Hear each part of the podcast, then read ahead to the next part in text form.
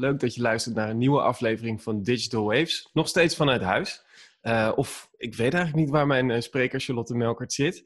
Je bent oprichter van Equalture. Je bent sinds je negentiende al aan het ondernemen. Toen startte je je eerste bedrijf. Um, je houdt alles wat je doet met je bedrijf zo'n beetje bij via medium.com. Want je wil anderen laten weten hoe is het nou om dat te doen. En je doet dat succesvol. Uh, je bent een van de negen meest getalenteerde vrouwelijke entrepreneurs van afgelopen jaar geweest, 2019. Was in de running voor een Louis Award. En um, ja, mis ik nog dingen? Waar ben je het meest trots op van alles wat ik nu noem? Jeetje, waar ben ik het meest trots op? Uh, ik ben wel het meest trots op het feit dat ik, ik deel inderdaad mijn verhaal op Medium. Omdat ik het wel belangrijk vind om uh, mensen ook het wat meer ongecensureerde verhaal achter ondernemen te vertellen. Uh, ik ben daar wel trots op dat dat gewoon een, dat dat een, een verhaal is wat mensen leuk vinden om te lezen en dat het mensen verder helpt. Los van het feit dat het natuurlijk heel erg tof is dat het bedrijf goed gaat en dat we lekker aan het groeien zijn. Ja, en je helpt, je helpt anderen ermee. Dat is misschien ook de reden waarom je, waarom je schrijft. Dat je denkt, ja, ik loop tegen dingen aan en misschien kunnen anderen er wat van leren. Maar leer je er zelf ook van door op te schrijven wat je meemaakt? Zeker, ja. Want ik ben wel iemand die... Um, um, ik, kan wel snel een beetje in de baan van de dag leven. En ik ben ook niet iemand die heel lang stilstaat bij dingen die goed zijn gegaan. Ik sta wel lang stil bij dingen die niet zo goed zijn gegaan. Uh, maar over het algemeen de goede dingen, daar gaan we heel snel voorbij. Dus het is wel een. Uh, ik probeer het ook echt iedere week een blog te schrijven, omdat het voor mij een heel goed reflectiepunt is. Even van: oké, wat was mijn grootste uitdaging van die week en uh, hoe ga ik het op papier zetten? En dan dwing je inderdaad jezelf er wel over om daar iets meer over na te denken dan uh, vijf minuten met een kop koffie. Oké. Okay. Nou, leuk dat je in de uitzending zit. In deze podcast spreken we met mensen die met hun technologie de wereld een heel klein beetje proberen te veranderen. En vandaag gaan we het hebben over hoe is het nou om op jouw leeftijd um, zo jong uh, te ondernemen maar ook over het product zelf, Equalture. En we zullen het mhm. ook hebben over hoe gaat het nou straks als COVID uh, voorbij is, maar hoe is misschien ook de afgelopen periode gegaan voor een, uh, voor een jonge ondernemer met een jonge onderneming. Mm-hmm. Um, waar zullen we beginnen? Waar wil je beginnen? Nou, ik ben eigenlijk wel benieuwd waar het voor jou begon. Wanneer voelde je voor het eerst een ondernemer? Was dat op je 19 of was het misschien daarvoor al? Uh, poeh, wanneer voelde ik me voor het eerst een ondernemer? Nou ja, ik heb, ik heb, uh, ik heb van jongs af aan altijd heel hard geroepen dat ik ondernemer wilde worden. Als ik mijn ouders mag geloven. Uh, en toen ben ik uiteindelijk bedrijfskunde gaan studeren in Rotterdam. De meest generieke studie als je echt niet weet wat je moet doen. Maar goed, daar zit in ieder geval een stukje... Een, een, ik denk dat je daarmee wel de, de verschillende facetten van een bedrijf een klein beetje leert kennen. Of in ieder geval wat handvatten hebt.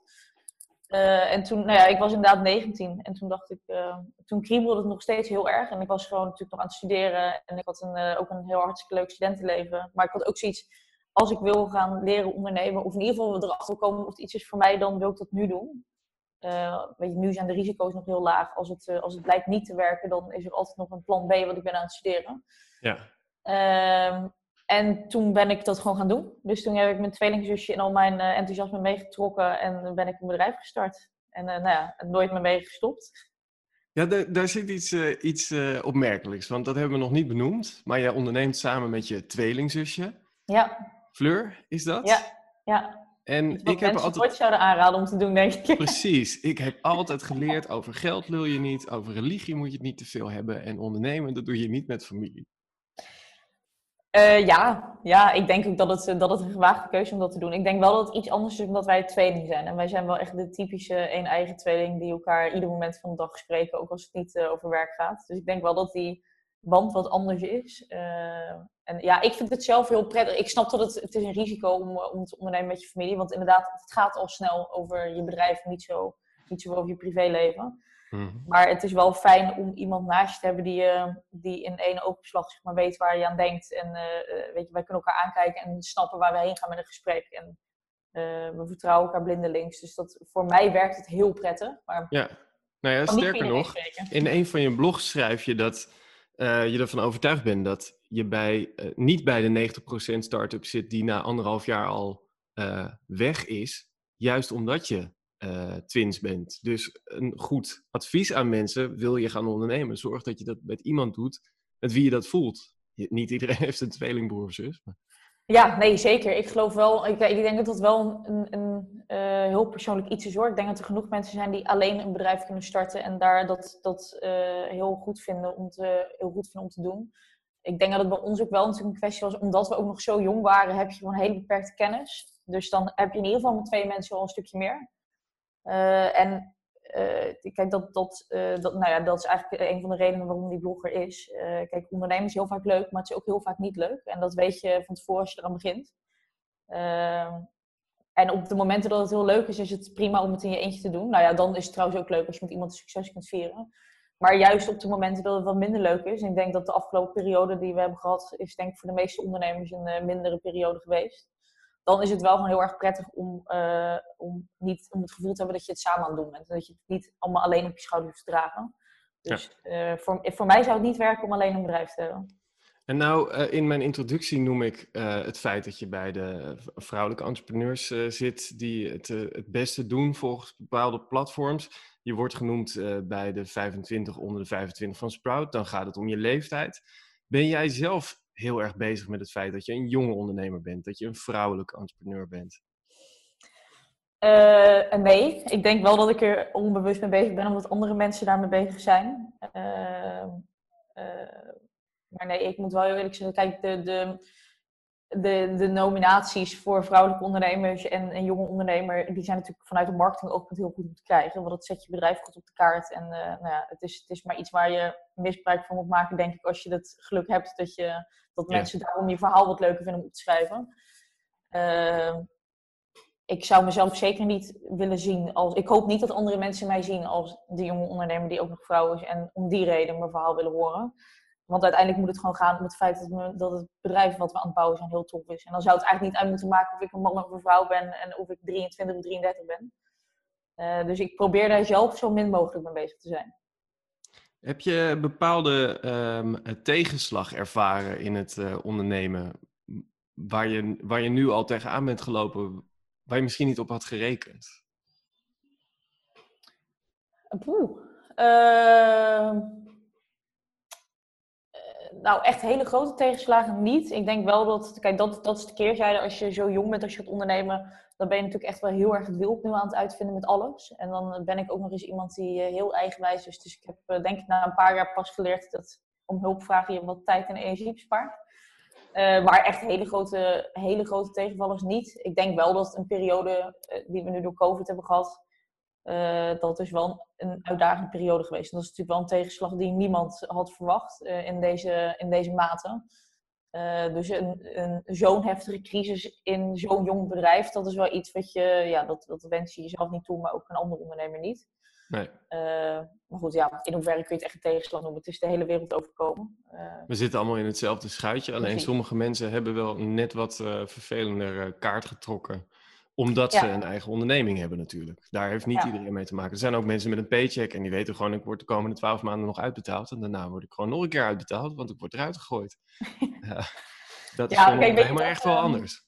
Ja, maar dat weet je natuurlijk wel een beetje als je met ondernemen begint. Dus als je, uh, ik, ik geloof wel dat juist dit soort periodes, ik vind, het, ik vind het misschien wel de meest leerzame periode die ik heb gehad de afgelopen maanden. Omdat je, uh, dit, laat, dit moet echt wel een beetje gaan bewijzen of je, of je, of je dit leuk vindt of niet. Of jij, uh, um, of jij je hoofd goed boven water kan houden in tijden waarin het minder goed gaat. Want ik bedoel, het was een no-brainer dat er ooit een crisis weer zou aan te komen. Dus ik, uh, uh, als je dit soort dingen niet trekt, dan denk ik dat je ook niet moet gaan ondernemen. En ik denk dat goede ondernemers zich wel heel goed staan houden, want die, die vinden wel een creatieve manier om nog een leuke draai aan hun bedrijf te geven. Je bent dus een van de founders, je bent uh, CEO en je zei op een gegeven moment tegen je co-founders, ik ga ervoor zorgen dat we 1 miljoen euro binnenhalen aan funding. En dat ja. ga ik regelen in drie maanden. Vertel. Ja. Nou, drie maanden is niet gelukt.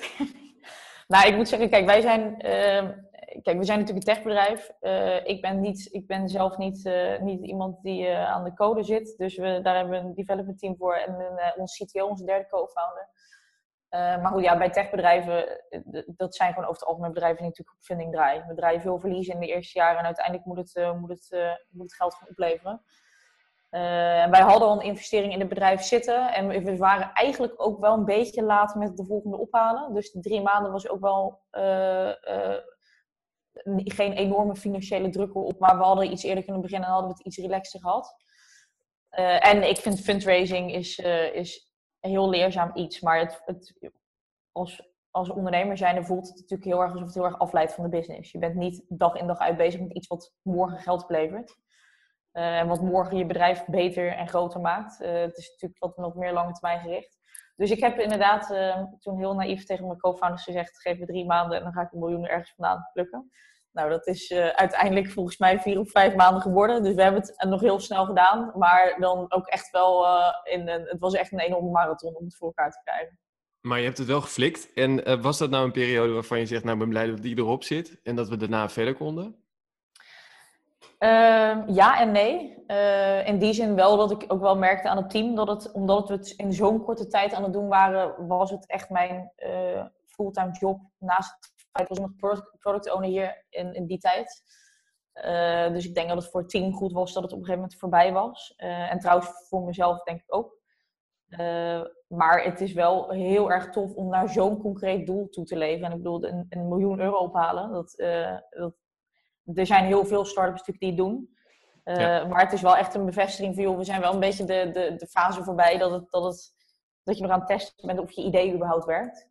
Precies, uh, we zijn niet de enige die er heel erg in geloven. Ja, precies. Ja. Dus uh, zo erg naar een doel toe werken vind ik wel heel gaaf om te doen. En dat doe je natuurlijk iedere dag met je bedrijf. Maar dit was er wel eentje waar ik, waar ik echt dag en nacht voor bezig ben geweest. Dus ik, ik ga het met alle liefde en plezier voor ons nog een keertje doen. Heel goed. Ja, Charlotte, ik bedenk me nu, we hebben nog helemaal niet uitgelegd wat het product is wat uh, Equalture levert. Um, dus we moeten dat toch maar even gaan uitleggen, denk ik. Stel nou dat ik een investeerder ben en ik zit hier met een zak met geld achter me. Hoe zou je mij gaan uitleggen wat jullie doen? Ja, nou wat Equalture doet, het is een, uh, een teamcompositietechnologie, hoe, we dat, uh, hoe we dat zo mooi noemen. en wat ons doel is met het product, wij willen jonge groeiende bedrijven. Dus eigenlijk een beetje bedrijven zoals wij, misschien ietsje verder, maar snel groeiend.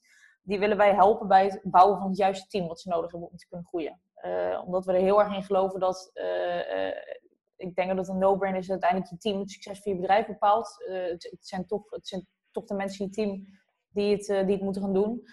En de compositie van je team, dus hoe is die samenstelling, dat maakt gewoon heel veel uit in hoe succesvol zo'n team draait. Dus heb je een bepaalde diversiteit aan skills, aan persoonlijkheden, aan de achtergronden in je team, om ervoor te zorgen dat je het hele scala hebt wat je nodig hebt om, om een bedrijf succesvol uit te kunnen bouwen. Uh, dus wij helpen eigenlijk bedrijven met het in kaart brengen van een huidige team. Uh, wat zit er, wat loopt er allemaal rond? Wat zijn de sterktes, de zwaktes? we benchmarken je team tegen vergelijkbare teams in de industrie. En daar rolt eigenlijk heel concreet een hiring behoefte uit. Dit moet je in je team toevoegen om ervoor te zorgen dat je team een betere samenstelling gaat krijgen. Uh, en wat, wat, we dan aan de andere kant doen, is we helpen bedrijven om uh, alle kandidaten die bij hen binnenkomen, om die op de juiste manier te screenen. Om eigenlijk gewoon heel simpelweg te kijken in hoeverre matcht dit wat, met wat we voor ogen hadden om dat team beter te maken. Uh, dus alles op basis van data, onderbuikgevoel, dat willen we er zoveel mogelijk uithalen. Mm -hmm. uh, om uiteindelijk gewoon te zorgen dat, dat HR en recruitment ook een datagedreven onderdeel van je organisatie wordt. Want dat is natuurlijk gewoon bij de meeste bedrijven nog steeds ja. niet zo. Dus uh, dat is wat we aan het doen zijn. Ja, je zegt dat is natuurlijk niet zo bij de meeste bedrijven. Ik zit niet zo in die wereld, maar ik kan me wel voorstellen dat als ik uh, met mijn cv ergens langskom en die mensen zien, goh, je hebt uh, gestudeerd, gestudeerd in uh, stad X en je hebt die commissie gedaan, en dat heeft mijn vrouw ook gedaan, wat leuk. Dan is er gelijk een warm gevoel dat natuurlijk helemaal nergens op gestoeld is, of misschien ben ik ja. wel druif in het werk wat ik wil gaan doen. Ja. Dat willen jullie eruit halen? Dat willen wij eruit halen, ja. Omdat ik... Uh, ik, geloof dat, we, dat je mensen nooit helemaal uit een recruitmentproces weg moet filteren. Maar ik geloof wel dat data een betere eerste indruk kan geven dan dat wij dat zelf kunnen. Ja. Uh, uh, los van het feit dat het. kijk, diversiteit is ook een bewezen business case. Dus, en wij kijken wel natuurlijk verder dan alleen maar demografische diversiteit. Dus ook gewoon inderdaad, wat voor skills heb je, wat voor persoonlijkheidskenmerken heb je. Uh, dat werkt in bedrijven. Maar goed, we, ik bedoel, uh, de, kijk naar de hele discussie die nu gaande is in de wereld met Black Lives Matter. Er is gewoon een bepaalde. Uh, we hebben allemaal onze voorkeuren en we hebben allemaal onze gut feeling wat ons af en toe in de weg zit. Mm -hmm. en als heel jong bedrijf is het gewoon heel pijnlijk als je op basis van dat soort onderbuikgevoelens knopen doorhakt, wat uiteindelijk gewoon een hele pijnlijke keuze blijft te zijn. Ja, Nou zijn social media platforms zoals LinkedIn en Facebook, um, die staan erom bekend dat ze op een gegeven moment met hun kennis kunnen voorspellen wat voor um, beslissingen je gaat nemen. En er zijn denkers die zeggen, nou ja, over tien jaar weten uh, techbedrijven veel eerder dan jij wat je wil stemmen, met wie je gaat trouwen en wanneer je gaat scheiden. Mhm. Is dat ook een beetje de uh, gedachte waardoor je zegt, nou, wij kunnen misschien wel beter dan een bedrijf zelf weten waar ze behoefte aan hebben, waar die mensen zitten. En we kunnen ook die mensen beter vinden dan zij zelf. Ja, nou, het, ik moet zeggen, het stuk vinden doen wij niet. Dus het is wel echt, je, je, je koopt onze software en we hangen eigenlijk gewoon achter je career site, zeg maar. Dus pas als kandidaat echt bij solliciteren komen ze bij ons terecht. Uh, maar het, het, stukje wat je benoemt, hoe weet ik wat ik nodig heb in mijn team, dat is, uh, dat is het pijnpunt wat iedere klant voor ons heeft. Uh, je, het is heel moeilijk als je niet uit deze wereld, als je geen verstand hebt van HR of recruitment, hoe bouw ik mijn team op een juiste manier op en wat heb ik nou eigenlijk echt nodig. Dus vaak is dat precies het probleem. Wat heb ik nu zitten en wat zou ik nodig moeten hebben om uiteindelijk een beter team van te kunnen maken. en ja, ik geloof uh, ik geloof dat data daar beter in is dan, dat, wij, daar, dan dat wij dat zelf op dit moment kunnen. Ja, het is een ongelooflijk slim idee. Waarom bestond het nog niet? Ja, waarom bestaat het dan niet? Ik denk wel dat er veel producten bestaan die een deel doen hoor, van wat wij doen. Ik bedoel, je hebt genoeg assessment tools, je hebt genoeg matching tools. En maar ik denk dat inderdaad de combinatie nog niet bestaat. Vind ik eigenlijk ook heel raar. Uh, maar goed, ja, ik denk dat dat met heel veel ideeën zo is, toch? Dat we denken, god, ik hoor het nu voor het eerst, waarom, uh, waarom was dit er niet? Ik ben blij dat het er nog niet is, want voor ons maakt dat de concurrentiestrijd in ieder geval wat makkelijker. Ja. Uh, maar ja, ja dat, is, uh, dat is overigens natuurlijk wel ook een voordeel en een nadeel. Want het is heel uh, gaaf om een soort van als eerste persoon de markt op te gaan met een bepaalde propositie. Maar het is, het, weet je, de weg is ook nog niet voor je vrijgemaakt. Dus ja. Eh, het brengt ook wel veel uitdagingen met zich mee. Hey, en zit er nou ook een ethisch aspect aan waar mensen van zeggen: dit moet je helemaal niet op deze manier willen doen? Uh, nou ja, ik, ik, ik, denk wel, dat er zit, zit een AI-model achter ons systeem. Dus ehm, we, het, maakt het, geeft natuurlijk steeds betere succesvoorspellingen op basis van de data die erin gaat. Daar zijn we wel heel streng met. wordt zo'n algoritme ook niet biased op den duur bijvoorbeeld? Ja. Ehm, ik zou nooit zeggen dat een algoritme niet biased is. Ik denk dat er altijd vooroordelen ook in zitten. Eh, dus die ethische discussie die kun je altijd hebben. Ik geloof wel nog steeds dat er veel minder vooroordelen in zitten dan dat wij mensen hebben. Ja. Uh, dus ja, ethische uitdagingen zul je altijd hebben. Maar als je gewoon heel uh, nuchter, neutraal kijkt naar welke optie is in ieder geval het meest ethisch, dan denk ik nog steeds dat we voor data moeten gaan. Ja, we hadden ooit um, um, AI-expert Stefan Leijnen in de, in de uitzending zitten. Hij is lector, onder mhm. andere. En hij vertelde, ja, je kunt natuurlijk op basis van een algoritme heel veel mensen aannemen. Maar als je bijvoorbeeld zou gaan invoeren, wie zou nou een hele goede nieuwe hoogleraar zijn? En je zou kijken naar de afgelopen 100 jaar hoogleraren. Dan vind je met name witte, vrij oude mannen. Uh, en daar zit al je bias. Dus je kunt niet altijd op basis van dat wat we al weten een algoritme gaan schrijven en een goede uitkomst krijgen. Ja. Merk je, dit is een heel specifiek voorbeeld, maar merk je dat jullie dit soort uitdagingen ook uh, zien in jullie eigen software? Ja, zeker. Uh, nou hebben wij denk ik het geluk omdat we ons op een doel, we, we, richten ons echt een beetje op de tech skill-ups. Dus dat is ook een, wat, een al sowieso wat diverse doelgroep. Dus dan heb je hier iets minder problemen mee. Mm uh, maar dat is zeker een uitdaging, ja. Ik bedoel, als je uiteindelijk voed je een algoritme toch met data die er al is. En ja. uh, is voor ons, zit voor ons vooral de kans met name in hoe kunnen we zo snel mogelijk de data die we nu hebben erin terugstoppen. Want ik geloof dat we nu hele representatieve data aan het verzamelen zijn bij onze klanten. Ja. Uh, ik bedoel, we tracken natuurlijk ook hoe mensen doen als ze er eenmaal zitten en, en dat soort zaken. Uh, maar ja, dat is wel altijd een uitdaging. En dat zal altijd een uitdaging blijven. Uh, en ik, uh, daarom zul je mij ook nooit horen zeggen dat het, dat het allemaal 100% eerlijk gaat op die manier. hoe bedrijven zoals wij het nu doen. Maar ik geloof nog steeds eerlijker. Dus het is nog steeds een beter alternatief. Als je het hebt over AI en over software die kan voorspellen, dan heb je het uh, ook vaak over transparantie. Stel, ik wil een hypotheek aanvragen en ik krijg hem niet en de persoon tegenover mij zegt, ja, de computer zegt van nee, dus ik kan niks voor je doen. Mm -hmm. uh, dan word ik pist. Hoe transparant kunnen jullie zijn?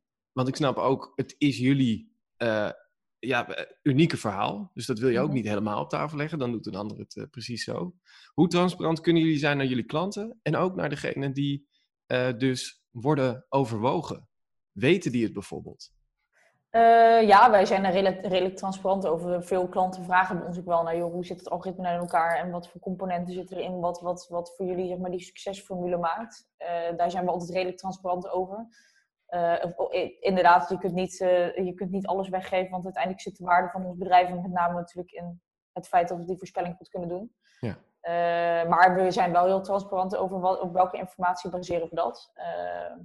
Dus dat naar klanten. Uh, kandidaten, daar zijn onze klanten zelf verantwoordelijk voor. Uh, dat hebben we in het begin altijd wel meteen transparant doorgecommuniceerd naar een kandidaat ook zelf. Uh, maar we merkten dat vooral onze B2C-klanten daar niet altijd even happig waren. Kan toch ook een, misschien een hele negatieve associatie met je brand bijvoorbeeld geven als je bij, als je bij Coca-Cola solliciteert en uh, je wordt daar meteen op basis van een algoritme afgewezen voor het gevoel van een kandidaat, want we wijzen niet automatisch af. We zijn puur een adviserende rol, maar mhm. uh, meteen zeg maar, je uitslag terugzien. Uh, dat kan natuurlijk ook voor zorgen dat zo'n kandidaat misschien denkt, nou, ik ga vanaf nu Pepsi-Cola kopen in plaats van Coca-Cola, want ik heb hier een hele negatieve ervaring mee gehad. Ja. Dus ik vind dat je daar heel transparant in moet zijn. maar we hebben die verantwoordelijkheid eigenlijk iets meer bij de klant neergelegd, omdat we gewoon merkten dat we er zelf heel erg tegenaan liepen, dat iedere klant daar toch op een andere manier mee om wil gaan. Ja, ja. En als ik het heb over klanten, eh, zijn die eh, makkelijk te overtuigen van uh, we gaan het dus helemaal anders doen, we gaan het op onze manier doen? Of zien die ook wel beren op de weg? Uh, nou, in het, ik denk dat het vooral in het begin voor ons lastig was. Want we zijn eigenlijk vanaf januari 2019 echt gaan verkopen. dus dat is eigenlijk niet zo heel erg lang. En toen waren we echt nog overal nergens. Iedere klant om de hoek eh, die ergens een demo aanvroeg, dat, uh, dat vonden we allemaal prima. Van hele grote corporates tot hele kleine start-ups, alle verschillende industrieën. Uh, dan heb je natuurlijk vooral met wat grotere bedrijven, wat, wat, wat logger, wat meer traditioneel, dat het, dat het een moeilijkere discussie is om te voeren. Uh, dus we doen natuurlijk best wel veel nieuw. We, we, kijken naar data van je huidige team. We hebben industry benchmarks erin zitten. We gamification. AI, weet je, er gebeurt eigenlijk best een hoop. Uh, maar eigenlijk hebben we, hebben door het jaar heen uh, uitgevonden dat onze ideal customer profile echt die tech skills is. En dat hoeft dan niet alleen in Nederland te zijn, maar ook daarbuiten. En dat zijn natuurlijk wel hele innovatieve bedrijven. Dus dat zijn ook vaak, weet je, daar zit je al vaak met de founder aan tafel die zelf ook een technologie heeft ontwikkeld om de markt een beetje overal te schudden. Uh, dus ik merk dat het daar eigenlijk helemaal niet moeilijk is om mensen te overtuigen van de innovatie. Daar moet gewoon de business case goed zijn. Ja. Uh, maar echt commentaar op het product zelf krijgen we daar niet echt. En eh, mag je open zijn over wat voor bedrijf je daarbij helpt? Of zeg je, nou, dat, dat houden we dus voor onszelf?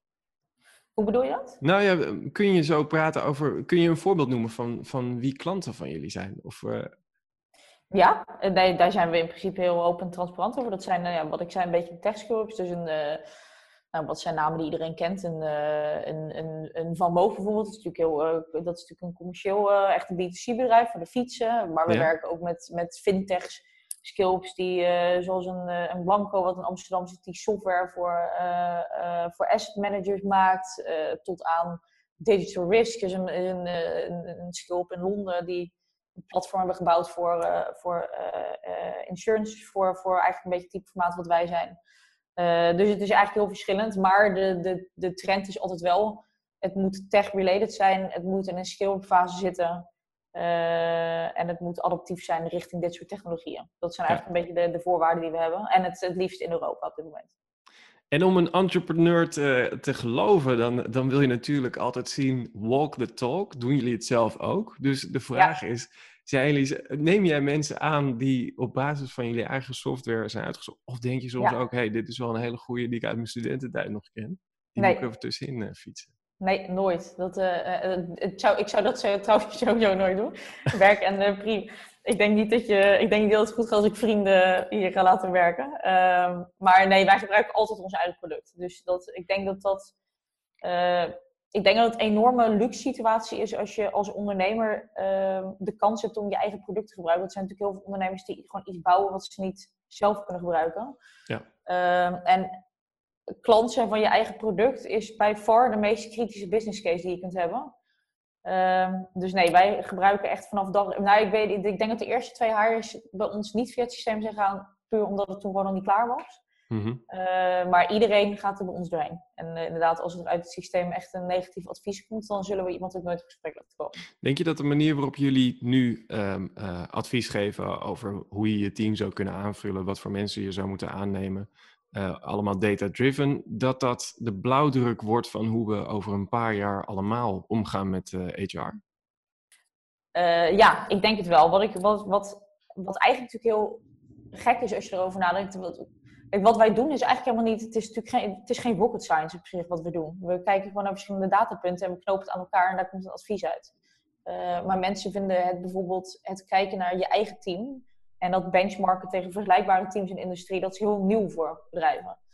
Eh, eh, wat eigenlijk heel gek is, want er zit zoveel data in je eigen bedrijf, wat je, wat je, wat je eigenlijk niet gebruikt. Wat, wat heel waardevol is om dit soort keuzes beter te kunnen maken. En ik zie dat die transitie nu best wel rap gaat. Dat mensen ook wel hebben gezien, joh, de manier waarop wij, nu, eh, waarop wij nu teams aan het bouwen zijn heel reactief. Ik heb iets nodig. Nou, ik heb nog ergens een vacaturetekst liggen. Die pluk, ik, eh, die pluk ik uit de kast en we zien wie erop afkomt. Dat is, ik denk dat mensen wel zo langzaam beginnen te beseffen dat dat gewoon niet de manier is hoe het anno 2020 nog zou moeten gaan. Ehm, plus je ziet natuurlijk dat we, we zitten in een enorme overgang uh, waarin we steeds meer jobs krijgen die we misschien vijf jaar geleden zelfs nog helemaal niet kenden. En dat gaat natuurlijk alleen maar meer worden de komende jaren. Ja. Dus mensen aannemen op basis van skills en potentials die je hebt, wordt steeds relevanter. Puur omdat we gewoon niet meer kunnen kijken naar wat heb je hiervoor gedaan of wat heb je gestudeerd. Maar dat het niet meer matcht met de banen die we over een x aantal jaar gaan krijgen. Dus Nee. ik denk wel dat dit het nieuwe normaal gaat worden. Dus ehm, eh, nou, het, het gaat voor de wind. Je haalt in 4,5 maand 1 miljoen aan eh, funding op. Je hebt eh, mooie klanten, waaronder Van Moof. En dan ineens halverwege maart gebeurt er iets waardoor de hele wereld in stilstand komt. Wat Ja. heeft dat met jullie gedaan? Nou, wij hebben daar ook echt best wel moeilijke maanden in gehad. Eh, eh, omdat we natuurlijk veel voor, voor de jonge groeiende bedrijven werken. Precies. zijn we ons ja. er natuurlijk ook wel van bewust dat dat de bedrijven zijn die ook het eerst in zwaar weer terechtkomen.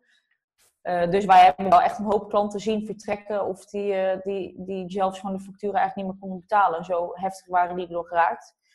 Ehm, Heb je zelf even in de stress gezeten? Eh, ja, zeker. Kijk, het is, het is, ehm, wij zijn een heel klein beetje gegroeid over de afgelopen maanden. Maar als je het recht trekt, ongeveer stabiel gebleven. Dus we hebben met nieuwe sales opgevuld wat er is weggelopen.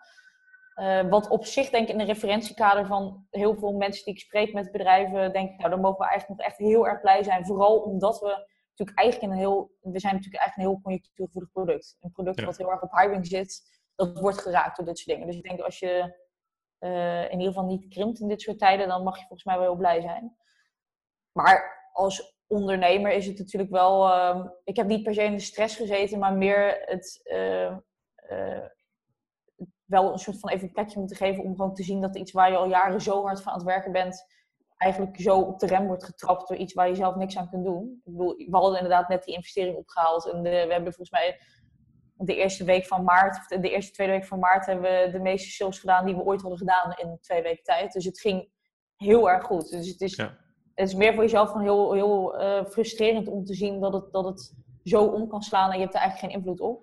Ja. Eh, maar goed, ja, dan kom ik weer terug vrouw. Iedereen zit dan in dezelfde shit even op zo'n moment. Daar kun je, ja, je kunt in een hoekje gaan zitten en wachten tot het over is. Of je aan een plan bedenken om wat aan te doen. En eh, dat tweede hebben we hopelijk gedaan.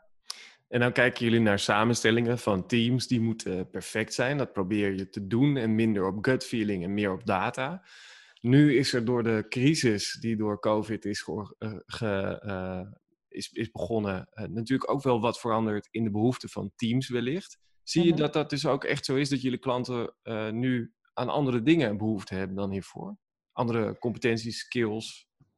Ja, het is sowieso wel grappig om te zien dat ehm, waar COVID heel veel natuurlijk ook negatieve impact op ons bedrijf gehad, zijn er ook hele leuke kansen uit voortgekomen. Want je ziet dat eigenlijk, dat is natuurlijk in principe met ieder product wat nu een innovatie stimuleert, de wereld is in een heel rap tempo aan het innoveren op ieder mogelijk vlak. Eh, dus in dat opzicht, eh, als we COVID toch een positieve draai moeten geven, is dat er zeker eentje.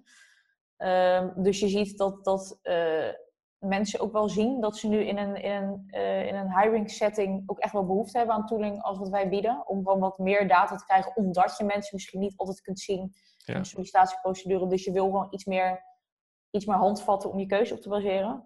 Misschien alleen maar relevanter geworden, ja. Ja, ja zeker. en je ziet dat, dat mensen ook echt wel behoefte hebben aan een bepaald type mens nu. We zitten natuurlijk... Welk type is dat?